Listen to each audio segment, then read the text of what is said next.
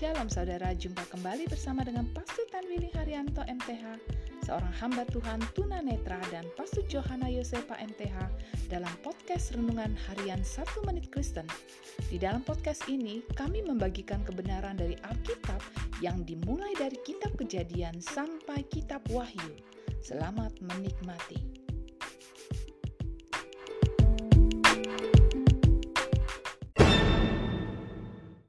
Shalom saudara berharga di mata Tuhan, senang dapat jumpa dengan saudara. Hari ini firman Allah menasihati kita untuk janganlah berbuat dosa lagi. Bila seseorang yang berdosa membawa bagi dirinya tepung yang terbaik segenggam daripadanya akan dipersembahkan, tetapi tanpa ditambahi minyak atau kemenyan. Demikianlah untuk menunjukkan kejijikan dosa yang menjadi dasar korban penghapus dosa ini dipersembahkan.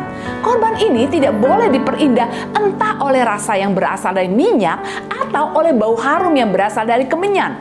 Sifat persembahan tersebut yang tidak menarik sengaja menunjukkan bahwa mereka yang berdosa tidak pernah boleh mengulangi lagi dosa yang telah diperbuatnya.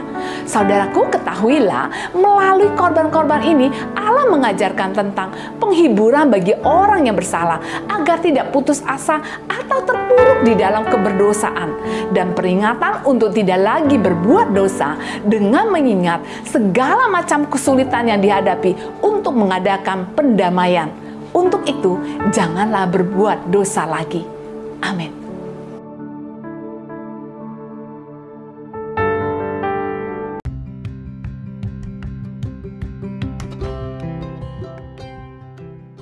Terima kasih saudara telah mengikuti podcast Renungan Harian 1 Menit Kristen.